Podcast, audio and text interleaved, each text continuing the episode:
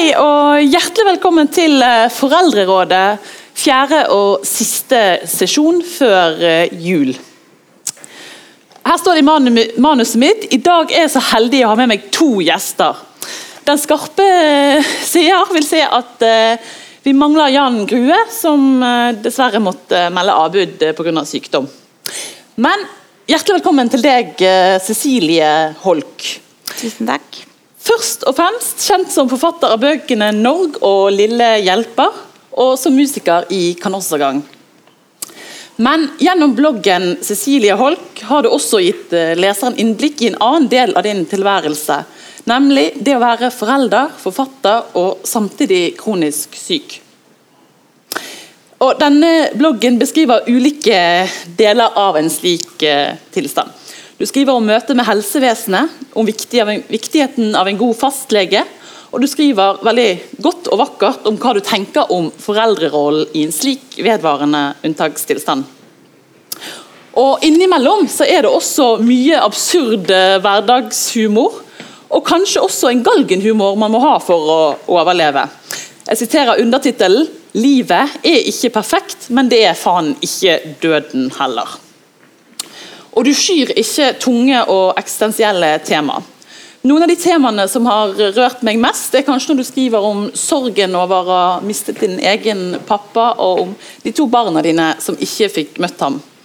Du er en produktiv blogger og en viktig stemme, fordi du gir et innblikk i en tilværelse flere av oss kanskje ikke har innsikt i. Og Jeg har lyst til og har fått lov til å lese et lite utdrag eh, fra bloggen din. Um, og Det handler vel om en, en, en dårlig dag uh, da du har vært uh, ekstra dårlig. Stemmer det? Det kan nok stemme, ja. Ja. Uh, hver gang jeg opplever sånne kollapser, innser jeg hvor skjør jeg faktisk er, og blir bevisst hvor lite det egentlig skal til før det blir for mye. Og Det får meg alltid til å tenke på hva alskens sykdomshatere mener om sånne som meg. At syke folk som ikke er totalt sengeliggende eller lam fra hodet og ned, eller aller helst halshugd, burde kunne jobbe litt. Har du krefter til å gå på butikken? Har du krefter til å ha en liten deltidsjobb, liksom? Men det de sjelden vet noe om, det er at en sykemelding eller AAP eller uføretrygd er det som gjør at man, så vidt det er, rekker å komme seg opp over vannoverflaten for å kunne klare å snappe i seg litt luft, før det igjen er å dykke ned i vannet. Slik er det å være syk. Man lever i et element man egentlig ikke er ment å leve i som menneske. De lover som gjelder for vanlige, funksjonsfriske mennesker, fungerer ikke for oss som har en sykdom, liksom lenket til foten over lengre tid. En stor betong, betongklump festet i kjetting til begge ankler, som presser en nedover, og som en med hele kroppen og hele hodet kjemper for å holde flytende, så man ikke skal forsvinne helt ned på havbunnen og forbli der. Ta vel imot uh, Cecilie Holk. Tusen takk. Eh, Vi skal komme litt tilbake til det du har skrevet på bloggen. Men eh, i dag er det en litt spesiell eh, dag for deg. Kan du fortelle om hvorfor? Ja, i dag har altså min lille, fantastiske sønn, den personen som gjorde meg til mamma, eh, fireårsdag, faktisk. Eh, så det er veldig spesielt å sitte her og snakke om det. På, om foreldrerollen og foreldrerollen som syk på en, en sånn dag. Nå er det fire år siden, og i løpet av den tiden så har jeg jo fått god eh, erfaring i hvordan det er å fungere som, som syk i en rolle der jeg egentlig skal være den som eh, er sterk, eh, sånn som man skal være overfor sine egne barn. Hvordan eh, opplevde du det å, å bli mor? Jeg hadde hatt et veldig, veldig veldig tøft svangerskap. Eh, jeg eh, var så dårlig at jeg var innlagt på sykehus i eh, mangfoldige måneder.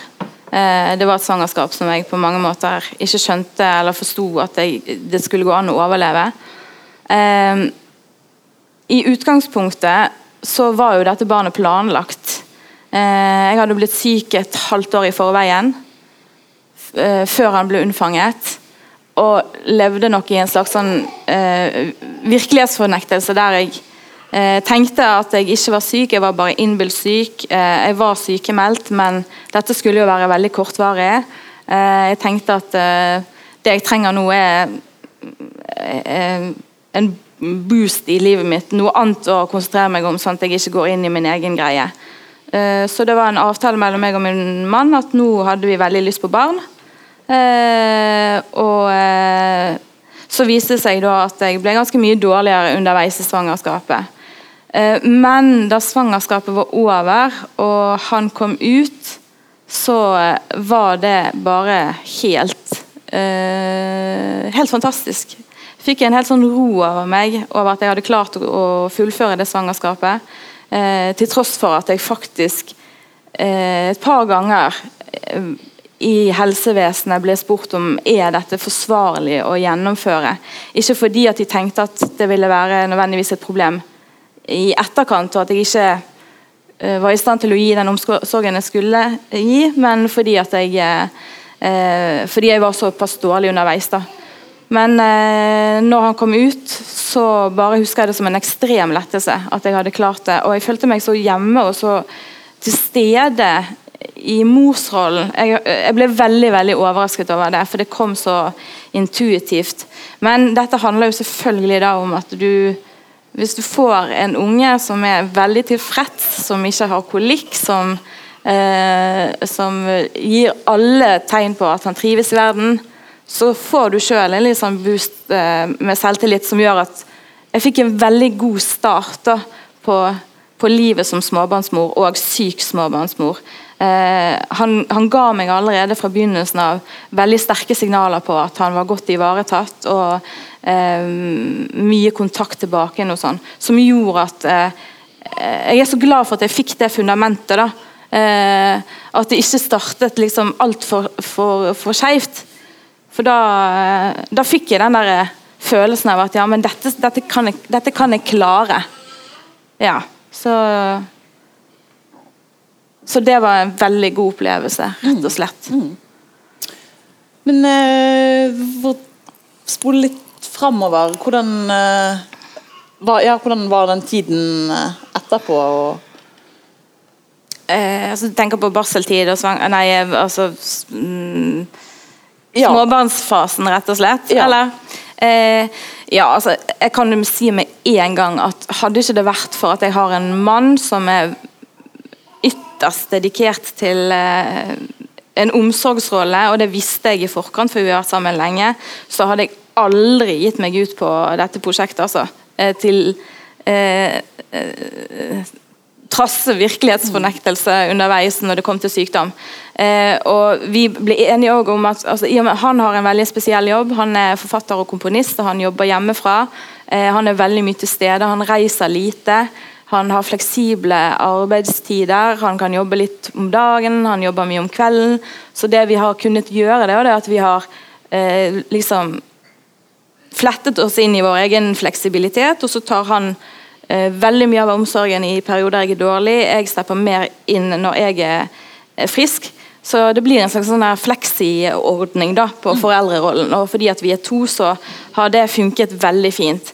Kanskje litt mindre knirkefritt etter at vi fikk barn nummer to. da, da det no, Men da er det andre ting som ryker. Da altså, da er det liksom sånn at eh, eh, De tingene som jeg kan prioritere vekk som syk mor, som en vanlig mor kanskje ville fått veldig sånn eh, dårlig eh, samvittighet for å, for å, ikke gjøre. F.eks. at jeg, jeg kaster håndklærne inn i skapet istedenfor å legge dem sammen.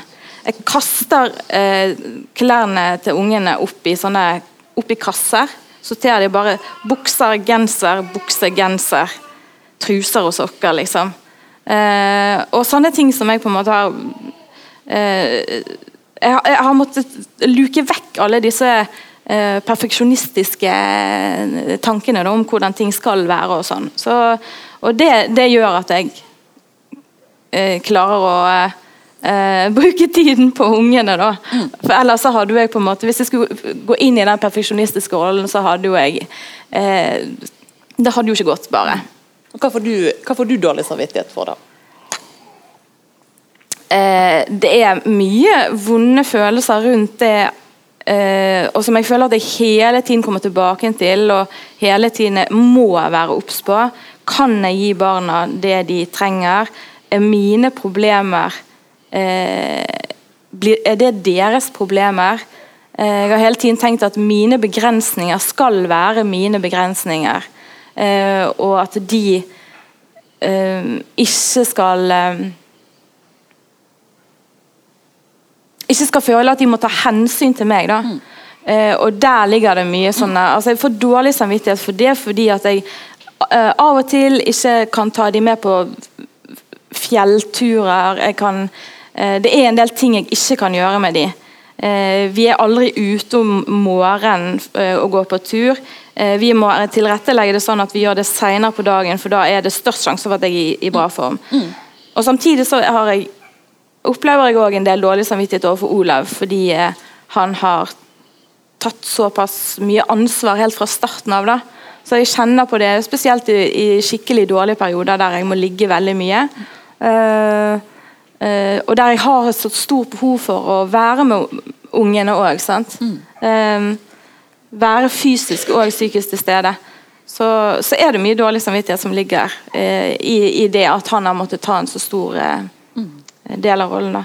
Men jeg kjenner òg at det som, er, det, som er, det som, er, fint med det, og jeg prøver hele tiden å komme tilbake til hva er det som, som ligger i dette som er en styrke? Hva er det ved min situasjon som gjør at jeg kan bruke det på, på, et eller annet vis da, eh, til noe bra. Og da har jo jeg tenkt at de er superheldige fordi at de har fått et veldig nært forhold til sin egen far. Eh, helt fra begynnelsen av så var det eh, en selvfølge at han skulle eh, være til stede, eh, hjelpe med nattevåk, stå opp um, skifte bleier og alle disse tingene som jeg tror at kvinner kan lett ha eh, at, man opp, at, man utvikler et kontrollbehov. da der man vil gjøre ting på sin egen måte, og så blir kanskje mannen litt sånn skjøvet til side. Men der har jeg opplevd at der må jeg bare gi helt altså Han må gjøre akkurat hva han vil. og mm. Ungene blir sendt i barnehagen med to ulike sokker. Eh, eh, truse utenpå strømpebuksen, og så er det bare litt sånn at ja, men det får, mm. det får bare gå, da. Mm. Ja. Kan, kan, du fortelle litt mer om, uh, om hvordan er hverdagslivet ditt, og, og, si litt, kanskje litt også mer om uh, sykdomstilstanden, hvis du har lyst til det? Ja, um, uh, Hverdagen min går litt i perioder. Jeg har bedre perioder og dårligere perioder. Og denne høsten her så har jo da av alle ting vært friskmeldt. Uh, jeg er jo overhodet ikke frisk, men jeg har eh, lagt på sofaen og fullført noen prosjekter. Og merker nok at det ikke er helt sunt, og at jeg, eh, at jeg stadig tapper meg for krefter. da. Eh, så vi får se om det ikke kanskje går mot en ny sykemelding snart. Men dagene er ganske like. Jeg trenger utrolig masse tid alene. opplever symptomøkning hvis jeg er sammen med folk over tid. Jeg har en infeksjonsutløst fatigue som ligger i grunnen, som var det som det hele startet med. da. Eh, for eh, i overkant av fem år siden jeg eh, hadde sykehusinnleggelse med intravenøs antibiotika i en måned på Haukeland. og Etter det så ble kroppen aldri den samme, rett og slett. Og Den fatiguen har gått ut veldig mye på at jeg trenger ekstremt mye hvile. Hvis jeg ikke hviler, så, så blir det verre. Så jeg må ta hensyn. I perioder så har jeg nok helt sikkert oppfylt kriteriene for ME, men jeg har aldri blitt utredet for det, fordi at den diagnosen eh, er gjerne òg like mye rettet mot Nav, at de skal kunne ha eh, eh, noe å sette fingeren på, eller noe, en bås å sette deg i. Men for min del så har det vært så mye annet. Da, altså de har på en måte bare eh, at, Ja for min del så er den fatiguen òg noe eh, Sånn at jeg eh, Ungene må alltid De står opp med Olav. Jeg har de om natten. Jeg samsover med jenten min på to år fortsatt, fordi jeg tenkte at den nærheten vil jeg gjerne eh, at hun skal ha. Eh, eh, selv om det begynner å bli litt plagsomt nå. Men eh, Sikkert mange som ja, Veldig mye. Altså, hvorfor må hun ligge? på tvers i sengen. Liksom. Hva er det som er så mye bedre med det? Åh, ja. Men øh, om morgenen så tar Ola de konsekvente. Har jeg mye dårlig samvittighet for. Han står opp med de hver eneste dag året rundt. Jeg håper at det skal bedre seg på et eller annet tidspunkt, men eh, ja. Nå er det sånn at Jeg tar noen medisiner om morgenen som gjør at jeg blir eh, veldig veldig slapp av de òg. Så du får liksom oppå det ene oppå det eh, andre, da, altså fatiguen, og så noen medisiner som forsterker det. på en måte. Så da er det å ligge og hvile frem til 12-1-2-tiden. Kanskje jeg tar meg en tur ut i samfunnet, som jeg kaller det. Men eh, Og så er det å bruke all krefter på ungene når de er kommet hjem. Um, før de legger seg, da, og så er det gjerne å ligge og hvile på sofaen. Da har jeg overskudd til å ta et par kaféturer i uken, kanskje, for å møte noen folk. Eller Eh, og så er det oppfølging da, av fastleger og psykolog og, og sånne ting, som òg tar tid. Mm. Uh, så det er jo liksom sånn der, eh, Det er jo den klassiske greien sant, at du hører om ja, folk som er syke og bare sitter på kafé. Eh, så kan man jo tenke seg hva gjør de egentlig i de eh, hundrevis av timene resten av i uken? Er det hundrevis av timer i en uke? Ja, det er det. Så, så, ja. Bortsett fra det, den fatiguen har egentlig gjort at Eh, det blir avdekket en, en del andre diagnoser, bl.a. noen nevrologiske lidelser, som, eh, eh, som jeg har klart å holde i sjakk før, med veldig mye trening, veldig, et veldig veldig aktivt liv. Altfor aktivt, sikkert. Eh, jobbet om dagen, eh, skrev om dagen, reiste rundt og leste. Hadde nattevakt, gikk rett på forelesing for å ta noen fag der. Så jeg har presset kroppen min altfor hardt. da. Eh, og gikk med den infeksjonen altfor alt for lenge. Mm. Så, um, så, det får jeg jo mm. Ja. Men, men, det er sånn kort fortalt, da. Eh, og eh, Ja. Så, nå har jo du vært uh, kronisk syk siden du ble mor, men hvordan tenker du at det preger morsrollen? Eh, det jeg har tenkt først og fremst, det er at eh, for meg har det vært viktig å, å egentlig ikke bruke ordet syk og være nøye veie, overveie ordene jeg bruker om mine egne eh, problemer overfor de. Mm, det, de aller, det de merker, det er fatiguen. Men merker de den? Altså, jeg husker at jeg skrev et, eh, et blogginnlegg eh, en gang, og så var det en, en eh, mor som skrev eh, tilbake igjen at hun, hadde, hun manglet en hånd. Eh, Manglet den fra albuen og ned. Eh, og dette var liksom, altså, Når du har levd sånn et helt liv, sant? eller i mange år, sånn som i mitt tilfelle, så blir det til slutt bare en sånn Det blir så vanlig, det er det som er det normale. sant? At du nesten, du kan, Det er så normalt at du på en måte glemmer å se at det er sykt, eller at det er noe som mangler eller er dysfunksjonelt. Men hun sa da at de hadde vært en vanlig familie, og først når ungen begynte på skolen, øh, og han, øh, at han plutselig bare Oi, men mamma, har du bare én hånd? Han hadde liksom ikke sett det. For de ser gjerne ikke det handikappet. Altså, et barn er på en måte For et barn er familie, en familie en naturlig tilstand å være i, mm. uansett. Mm. dessverre da for mange som på en måte blir utsatt for omsorgssvikt og sånne ting. Sant? For tror, Barnet tror at familien er normal, og det er mm. utgangspunktet. Mm. Men, eh, men, altså eh, eh, no, altså, det, Jeg kan gjerne finne på å hvis, hvis, hvis, jeg er veldig sliten, at jeg legger meg rett ned. Altså, jeg har gått opp noen trapper, og så bare legger meg ned og bare Jeg må bare ligge litt her. For de er det helt normalt.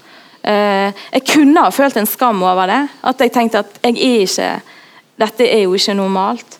Men der har jeg hatt litt å gå på, fordi at jeg i kraft av å være forfatter og ha en mann som er forfatter og komponist Vi har allerede vært så liksom, på siden av, av samfunnet uansett. da, at, uh, at dette gjør meg på en måte ikke så veldig mye rarere.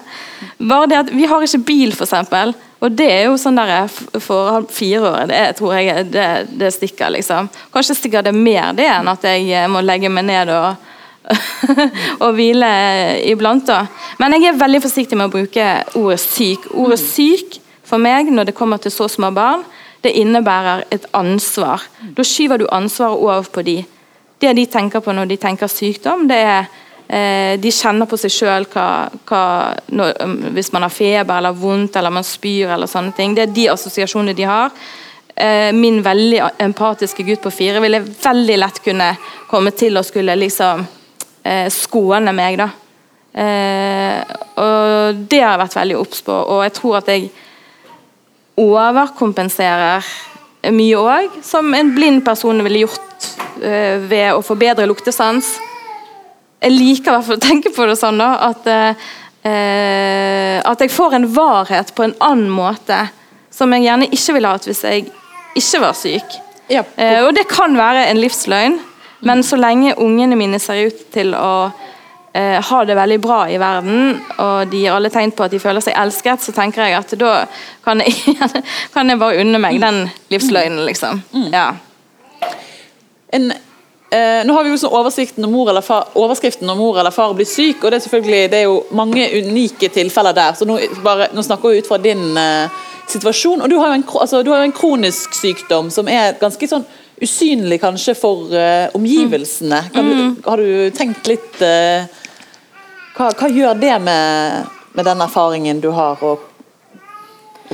Eh, det er både òg. Det er veldig veldig vondt og veldig ensomt, hvis jeg skal være helt ærlig. Og så er det eh, noe som er veldig positivt med det. For, for, for eksempel så er det jo eh, veldig mange som ikke vet at jeg er syk. Nå har jeg måttet åpne opp bloggen eh, litt mer og mer da, og tenkt at det har vært bra òg. Fordi folk har nok en tendens til å stille eh, sto, større krav til meg enn eh, enn det som egentlig passer med min egen helsesituasjon. Da, fordi at jeg virker såpass eh, frisk som jeg gjør. Tror jeg, da. Men eh, jeg tenker at jeg synes det har vært Det er veldig deilig. Jeg tenker på det nesten som en ferie. Når jeg går ute i verden sammen med ungene mine og bare ser ut som en helt vanlig familie. Da, eh, og at, at, at, de kjenner på det samme. Eh, og, og, det syns jeg er deilig. Jeg synes det er befriende. Det gjør at jeg får et avbrekk fra min egen sånn, du, du, har ikke den derre eh, Det der blikket utenfra, da, som du på en måte Som jeg var veldig spent på å høre med Jan Grue, hvordan han opplever det som far. Han som, som sitter i rullestol. Mm. For det blir jo en så, så mye mer tydelig funksjonshemming, da. Eh, jeg er jo på en måte mer sånn at jeg kan gå ut eh, i verden når jeg har en god dag. Det er jo ingen som ser meg på en dårlig dag. Mm. Eh, og selv barna mine gjør ikke så mye det, fordi at jeg er flink til å hvile på mm. ukedagene. Mm. Så når de er i barnehagen, så hviler jeg mye, og, og, gjør at jeg da kan kontrollere sykdommen litt. Da, at jeg får hentet meg inn igjen, sånn at, de, eh, at jeg kan være til stede noen timer når de er hjemme. Eh, men jeg syns faktisk fortsatt òg at det, altså det er det, det, er deilig. Jeg kan kjenne at jeg føler meg som en frisk mor når jeg er sammen med de, selv om Eh, altså i tanken, selv om jeg kjenner at kroppen ikke er med på det.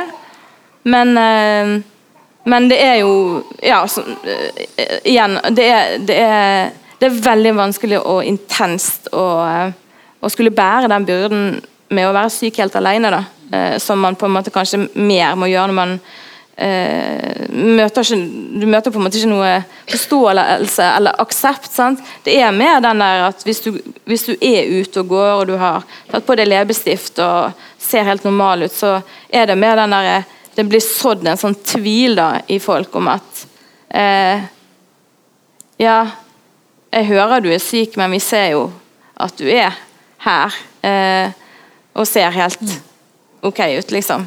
Så ja. Men du begynte jo å, å blogge om eh, bl.a. tilværelsen som forelder og, og, kronisk syk. Kan du si litt om hvorfor du begynte ville blogge om dette? Det var egentlig ikke meningen i det hele tatt. Uh, jeg startet egentlig bloggen fordi at jeg hadde utrolig masse sånn overskuddstekster fra, som jeg så ikke var litteratur, som jeg syntes var veldig irriterende. ble bare liggende.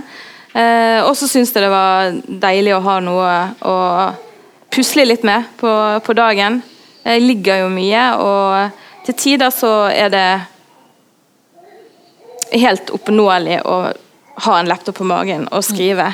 Og jeg har veldig mye kladder liggende. sånn at jeg, altså jeg, er, jeg, er, jo produktiv. Jeg skriver jo stort sett hver dag.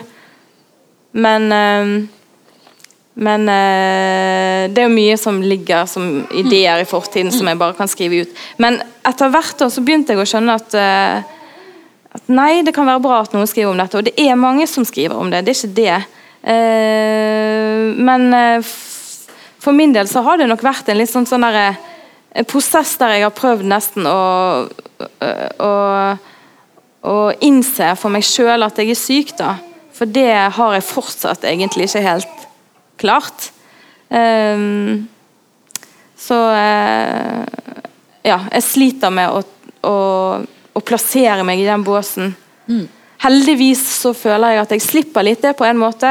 Jeg er heldig sånn sett fordi jeg som forfatter kan tenke at uansett om, blir, om boken blir utsatt i ett eller to år eller tre år, så er jeg likevel forfatter. Jeg er ikke primært syk. Mm. Uh, det har vært veldig rart med bloggen nå, at jeg føler at det blir veldig sånn å ja, du er egentlig primært syk, da. Og det er Det er, det er litt vanskelig. Eh, jeg må innrømme det. Så det, det, jeg lar ting ligge lenge i karantene før jeg eh, før jeg publiserer det igjen, når det kommer til sånne ting. Mest for å skåne andre, egentlig. Altså. Jeg er redd for å uh, Jeg vil skåne familie og, og, og, barna mine spesielt. Så da blir det til at jeg altså Eh, at jeg gjerne ikke helt tør å åpne opp om alle diagnoser fordi at det er flere av de, og ja. Eh, så eh, Men enn så lenge så ja, jeg kjenner at jeg koser meg veldig med bloggen, og når jeg har skrevet noe veldig alvorlig, så har jeg veldig behov for å trekke meg tilbake igjen og skrive noe som ikke er så alvorlig. Og det, det er veldig deilig at jeg kan ha denne vekslingen. da. Leseren blir sikkert litt forvirret, men jeg er jo forvirret, jeg òg, i livet, liksom, så det får bare være. Ja, men Det er en god, god blanding der av uh, litt mer sånn humoristiske, absurde innslag. da, Og ja. uh, at du skriver om uh, erfaringer med sykdom, og beskriver veldig godt hver, din hverdag. da. Mm. men, men, hva håper du å, å kommunisere ut om nettopp det å være kronisk syk? Nei, si det. Jeg er veldig sånn usikker på hvem målgruppen min egentlig er. Er det folk som sjøl er syke? Er det folk som, som, bare liker å få et innblikk i, i andre sine litt sånn sørgelige liv? Eh, fordi det er jo Jeg har, jeg har lest sånne blogger sjøl før jeg ble syk, så jeg syns det var veldig deilig å lese blogger om sykdom. Mm. da kunne man liksom bare føle seg veldig sånn Å ja, gud, å, det var trist å få litt sånn påminnelse om at ja, men å, det er noe Jeg er heldig som eh, ha det sånn og sånn i livet mitt. Så Det har jeg gjort sjøl òg, da. Så, eh, men eh, hva jeg vil oppnå med det, det eh, Jeg har liksom um, jeg prøver å ikke ha en sånn veldig sterk sånn markedsstrategi bak det. da. Nei, men, Tenker du at du snakker om noe som er litt tabu? At vi trenger å vite mer om dette i den offentlige Ja, jeg, jeg, ja, jeg, jeg prøver nok å, å ikke Altså, tabu jeg vet jo at vi finnes en liten klan av folk som skriver om lignende ting som dette. Uh, men, uh, men, ja, jeg har jo lyst til å de, Det som jeg ser på som hovedinnleggene mine, der jeg på en måte går litt i dybden, da, og som er litt lengre og uh, gjerne mer ærlige og åpne så har jeg jo lyst til å, å kommunisere eh, noe. Det, det, er jo helt åpenbart. Eh, og jeg, har, jeg, tenker at det er, det er egentlig utrolig masse å ta av når det kommer til dette å snakke om sykdom. Og spesielt det å være forelder og syk mm. syns jeg har, eh, har manglet eh, altså informasjon om det. Mm. Um, hva, hva, slags informasjon eh, savner du? Nei, altså ikke, ikke nødvendigvis informasjon, ikke sånn kalde fakta, men, men, eh, men, mer på en måte den derre eh, for det, det, ligger veldig mange vonde følelser i det. sant? Altså, det er eh, det der altså At du er så utrolig redd for å, å, komme til kort, og så er det alle disse eh, sånne vonde følelser som man sliter med, selv om man er en helt eh, vanlig oppegående mor, tenker jeg også, som ikke er syk så er det masse vonde følelser rundt uh, foreldrerollen fordi at det er så intenst. og uh, det, uh, det, vekker så mange følelser i en sjøl som ikke nødvendigvis har med barn å gjøre, men som liksom i den dynamikken mellom kan være eh, vond å kjenne på. da, og de tingene blir selvfølgelig forsterket når du allerede har et, eh, et handikap i den rollen. Mm. Eh, så det syns jeg er Det har vært viktig for meg å snakke om. ja. Hva tenker du sånn generelt er viktig for å være en eh, god eller god nok forelder? For meg er det utrolig viktig at de eh, blir sett på sine behov til enhver tid. Eh, at de overøses av kjærlighet. Eh, og at de skal slippe å føle at de må fylle en rolle i familien. At de faktisk får lov til å eh, At de skal få lov å, eh, å stritte imot, de skal få lov å bruke meg som sparingspartner. De skal ikke tenke at jeg er en de må beskytte. Mm. Så Det er det jeg tenker som, som syk. da, at jeg har eh, Og at jeg må overkompensere i form av at eh, jeg blir så utrolig bevisst på den tilmålte tiden jeg har i løpet av en dag, tenker jeg. Eh, og at det gjerne medfører at jeg Altså, de er veldig kosete, og jeg kan, jeg kan kysse så mye på dem at jeg, en dag så sto jeg lent inntil en dørkarm, og så oppdaget jeg plutselig at jeg ga dørkarmen et kyss. Fordi jeg er så Ja.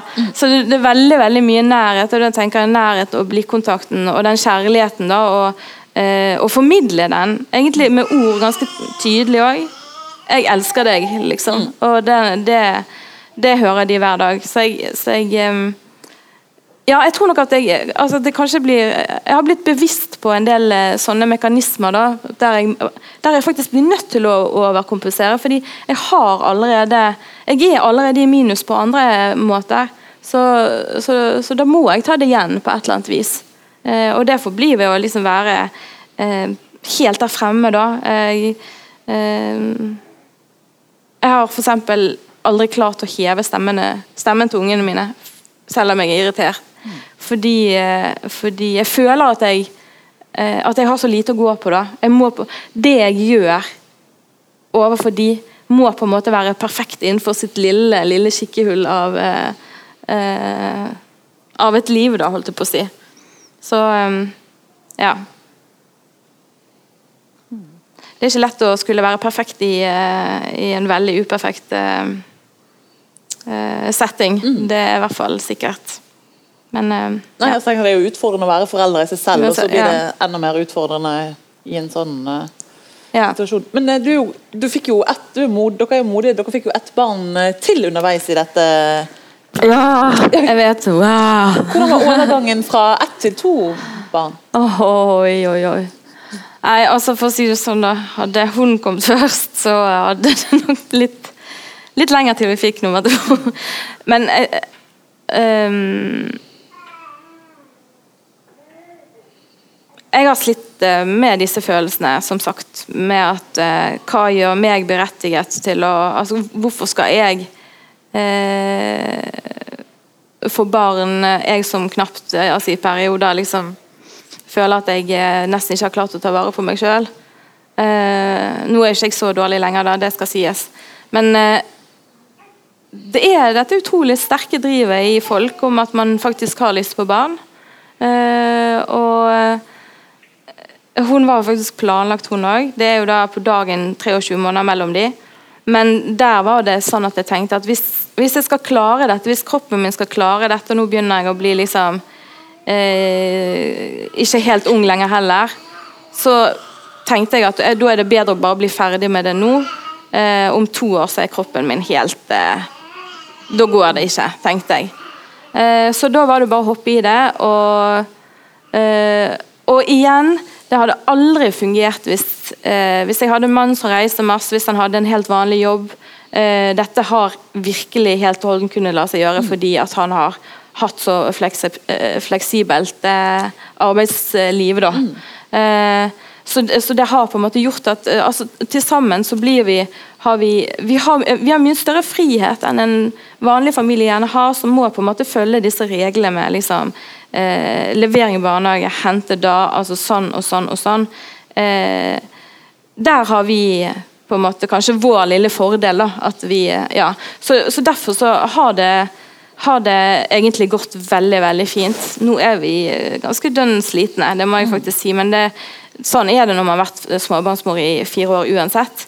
Eh, heldigvis så finnes det barnehage som gjør at man kan eh, eh, få hodet et annet sted. Og, og, og, og hvilekroppen, ikke minst. da. Så, ja. Men Hva gjør det med parforholdet å leve i en sånn situasjon? Mm. Hvis du vil si det. Jeg, um, jeg syns at Jeg syns at vi har samarbeidet helt ufattelig bra om rollen. Jeg kan ikke tro at vi faktisk fortsatt liker hverandre. Fordi... Bra lakmustester. ja, ja, virkelig. Men vi hadde da vært sammen i, i ti år før vi fikk uh, vårt første barn. Mm. Så vi kjente hverandre egentlig veldig godt. Og vi har, har hatt uh, tøffe tak tidligere. Vi var Eh, vi pleide f.eks. en eh, Min døende far frem til han døde, han bodde hjemme hos oss. Så, eh, så um, omsorgsoppgaver var vi da eh, veldig godt kjent med, egentlig. Og jeg tror det var det som gjorde at overgangen til eh, til det å bli mor for første gang ble så, den ble så sterk og så fin. For det, det var bare sånn der Å ja, jeg skal jo ta meg av denne ungen her, men han er jo fi, han er frisk. Han er, han, han, han, Det er en begynnelse på livet. Altså, det, for meg ble det sånn, da. Der, der det, den andre gangen var liksom bare sorg i, i grunnen. Sant? Mm. Og veldig, veldig mange vonde følelser.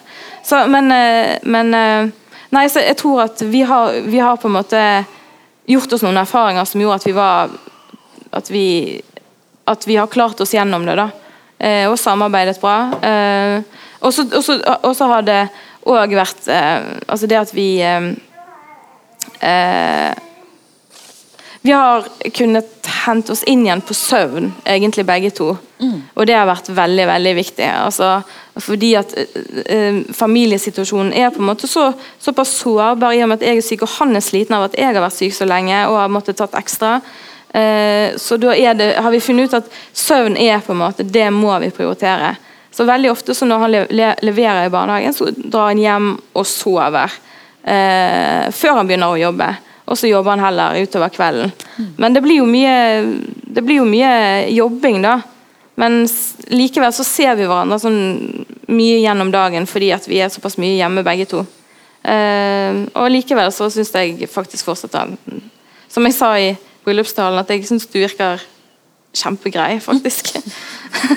Nå hadde jeg kjent han i ti år, da, men, så jeg, det var jo godt, eh, et godt grunnlag for å si det. Ja. Men, eh, ja. hva, hva, slags eh, hjelp eller for, støtte får dere fra helsevesenet i en sånn situasjon? Eh, veldig lite. Ikke noen husmorvikar på døren? Og... Jeg har eh, lenge hatt eh, eller, Jeg lurer på om jeg skrev et innlegg om det, om, om at husmorvikaren i, all, i aller høyeste grad burde komme tilbake. Mm. Vi hadde eh, den første, eh, første, eh, første, gang jeg ble gravid, eller etter fødselen, så um, eh, ba jeg om å få kontakt med barnevernet for å høre om de hadde noen avlastningsordninger. Mm. Men det har de ikke. for eh, altså de, Det de har, det er avlastningsordninger for dysfunksjonelle familier der det er eh, altså, tegn til omsorgssvikt eller mistanke om det. Um, og, og, så har de hjelp i forbindelse med at altså, de har foreldreveiledningskurs. Men i dette tilfellet så konkluderte de med at vi verken trengte det ene eller, de, eller det andre. Eh, og Det de da kunne tilby, det var egentlig eh, eh Homestart, som er privatdrevet gjennom eh, Røde Kors, tror jeg. Eller? Kirkens Bymisjon, ja. Eh, og det hørtes jo veldig bra ut, men det var altså da én en times avlastning med trillepike en gang i uken mm. for babyen vår. og Uh, tenker at det er mye som kunne vært uh, gjort annerledes der for å forebygge både omsorgssvikt og, og, og, andre problemer hos barn. Uh, fordi det er mange som ikke har familie i umiddelbar nærhet, og det hadde ikke vi. Så vi har, vi har stått i dette alene, og det har vært veldig veldig tøft. og jeg jeg skulle nok ønske at vi kunne ha en eller annen form for uh, ytre instans som kunne ha, ha eh, har vært der litt. Mm. Og det hadde ikke handlet om at jeg, jeg har hatt behov for å være sammen med ungene mine den tiden. Eh, altså Ta vare på den dyrebare babytiden. Men man trenger jo litt andre ting òg, i hvert fall hvis man trenger å hvile seg gjennom halve døgnet. liksom. Eh, så det å ha fått en person inn i huset Ikke en som skulle ta henne fra meg ut, altså på tur, men at vi var på fysisk samme sted. Hun kunne vært i Han, han kunne ha vært hjemme hos oss og passet, eh, passet litt og vasket litt og sånne ting. Jeg, den, eh, det er forferdelig trist at den eh, den husmorvikaren er forsvunnet. Altså. Mm. For den tror jeg en, hadde kunne vært en viktig eh, buffer mot eh, alt som er fælt i familien. Hva, hva, andre ting savner du i den offentlige samtalen om det å være forelder og kronisk syk? Uh, ja, det, det, er vanskelig å si sånn på stående fot. Jeg føler at det jeg savner om det, er på en måte det jeg ender opp med å skrive et innlegg om det. Uh, så har jeg jo en del kladder liggende og Eh, men igjen, det, det, kan, det, kan, det, kan, være sårbart dette med eh, Når man har flere diagnoser oppå hverandre. og jeg tror nok at altså, De som kjenner meg i fastlegen min, f.eks. Eh, altså, hvis man får alt på en gang, så kan det virke eh, At man ikke helt kan skjønne kanskje hvordan jeg eh, står i det. Men, men, jeg tror at det er veldig mange sånne der, eh, altså stigmatisering rundt uh, um, rundt, rundt, mange diagnoser da, om hva, hva, som gjør at du faktisk uh, er i stand til å oppdra et barn eller ikke. Uh, det, det, er mange som Ja, nå, dette ble veldig ullent, men Eh, men at det er mer enn nok å ta av der, mm. det er det absolutt, altså. Eh, det, det, er mange som har skrevet om kronisk sykdom, og det er mange som har skrevet om eh, spesielt ME føler jeg har vært mye sånn Det er mange flinke folk der som har skrevet mye, og det har kommet utrolig mye godt ut av det, tror jeg. Altså Men Men men jeg savner, jeg savner uh, den derre ja, altså Hvordan det er å være kronisk til, mm. til barn. da, mm. Og spesielt små barn. altså Der du har vært syk hele tiden. Ja, så jeg, jeg, vurderer faktisk å starte opp en Facebook-gruppe der man kunne ha, uh, ha det som fokus. da. Det er mm. mye sånn sykdomsgrupper liksom sortert inn etter sykdom, men akkurat dette blir jo noe annet. da, Med alle de utfordringene vi står overfor. Ja, både i oppdragelse og i sitt eget følelsesliv. Uh, ja. Mm. Men uh, han Jeg leste litt uh, sånn, om noe forskning på men det var altså funksjonshemmede mødre. da, det, så det er en annen situasjon. Men det, det var det at, de måtte, at mange av de følte altså at at moderskapet ble enda mer utfordrende, for de måtte på en måte bevi, altså, i større grad bevise, bevise. at de dugde. da. Mm. Um. Det, tror jeg, eh, det, tror jeg, er mye mer tilfelle når man har en synlig eh, mm. funksjonshemming. Mm.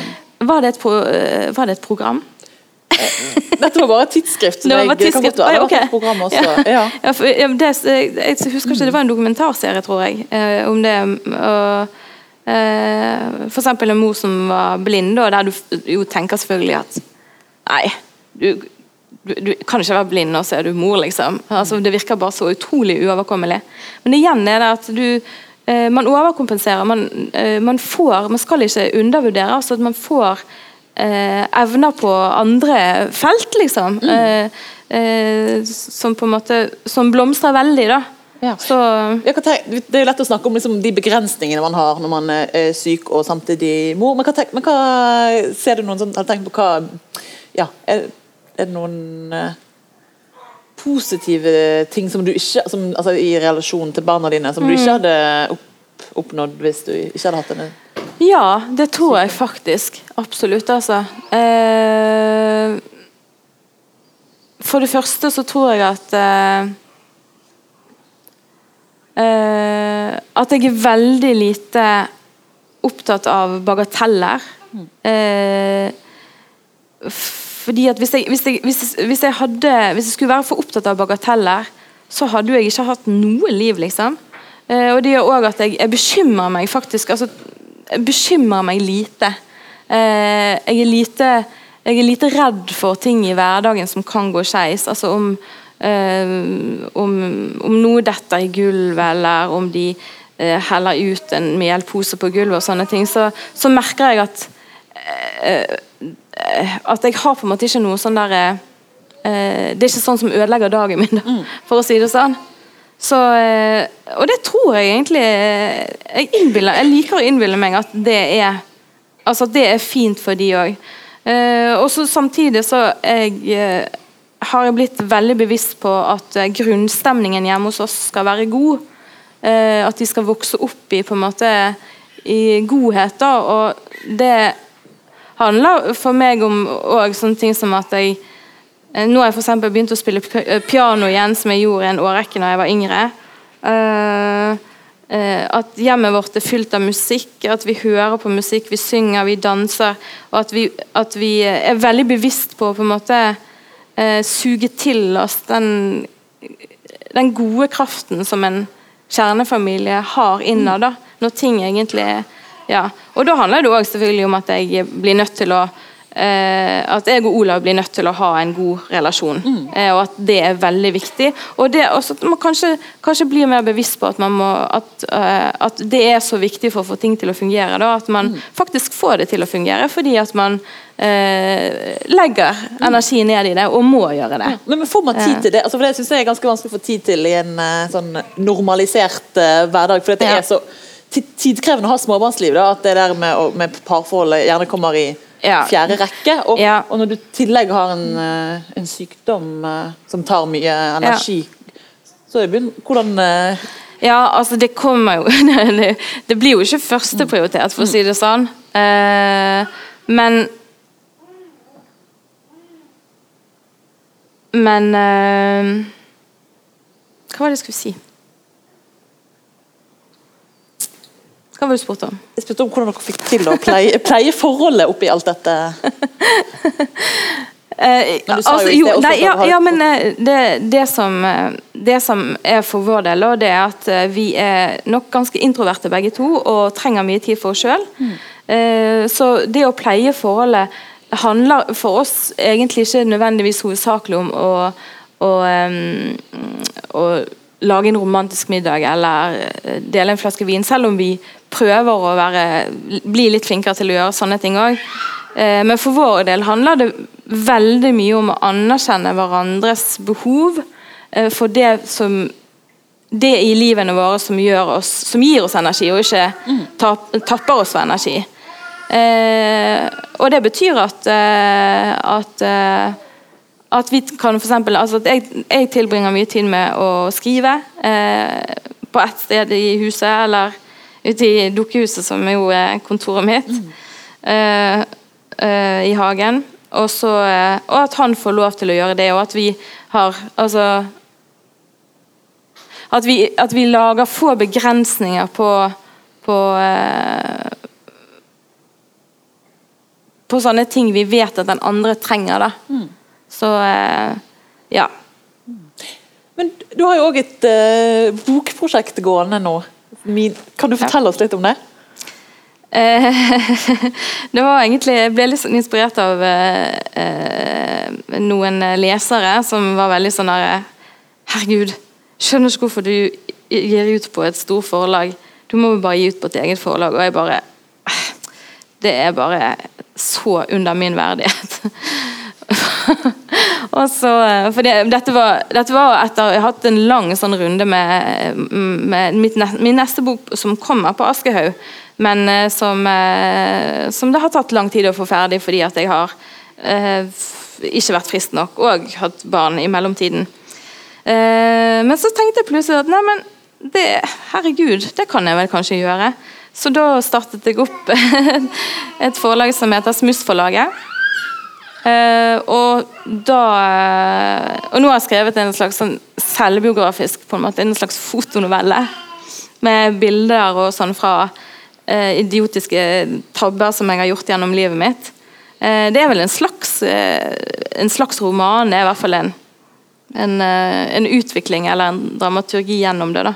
Så den eh, venter jeg nå på at skal komme fra trykken ganske snart. Så, og Litteraturhuset skal skal selge den. Jeg få, kanskje skal prøve å få solgt den inn hos uh, noen andre bokhandlere, men jeg er dessverre veldig uh, veldig håpløs når det kommer til markedsføring. Selv om jeg driver en blogg, så er det veldig, veldig Altså, jeg begynte veldig fint med Twitter og Instagram og skulle på en måte prøve å legge ut innlegg der og sånn. Men det merker jeg at det, det, det blir for mye, og jeg syns det er dritkjedelig òg. Så da, da, gidder jeg ikke det, rett og slett. Men jeg håper jo at noen, noen kommer til å, eh, å, lese boken, da. Det gjør jeg jo, selvfølgelig. Ja. Mm. Men Hvor viktig er det for deg å, å være sånn produktiv og lage disse tekstene og sånn? Altså, for Det er jo ofte det man liksom assosierer med det friske mennesket å produsere. Altså, er det viktig mm. for din identitet? ja, det er, det er, det er, det er så stort og sterkt for meg, den eh, Eh, den, for, den forfatterrollen den er så viktig for meg. Det er så viktig for meg å skrive at jeg hadde ikke klart meg uten. Mm. Eh, virkelig. Det som har vært utfordringen med å være syk, det er jo det at det er, at det er vanskelig å overholde tidsfrister. En del av de eh, Årene før jeg var syk, så jobbet jeg veldig veldig masse. Ikke bare publiserte jeg ganske ofte, men jeg var mye rundt i landet. og øh, øh, hadde forestillinger og leste og hadde intervjuer osv. Så, videre. så det var en veldig sånn øh, Forfatterrollen er jo mye mer aktiv gjerne enn det man tenker på den som. Uh, den delen som har kunnet la seg gjøre for min del nå, det er at jeg har kunnet kunnet skrive, men med en gang jeg kjenner at, jeg, altså, det er en deadline inne i bildet, og sånne ting, så blir det veldig mye mer krevende. Mm. for da skal du fullføre til en viss tid. da Ehm, men, men jeg, jeg, bruker jeg, jeg, er utrolig glad for at jeg har den altså Jeg tror jo at det er mye lettere for å miste sin egen identitet hvis man har en, en vanlig jobb der man går hjem, altså der du går til og der du har kollegaer og går hjem. For min del er jo jeg vant til å eh, tilbringe Jeg har tilbrakt store deler av voksenlivet mitt alene, selv om jeg er veldig glad i å være med folk. Men det har ikke vært eh, Det har gjerne det har ikke vært i en jobbsammenheng på samme måte som kanskje en sykepleier opplever det. da.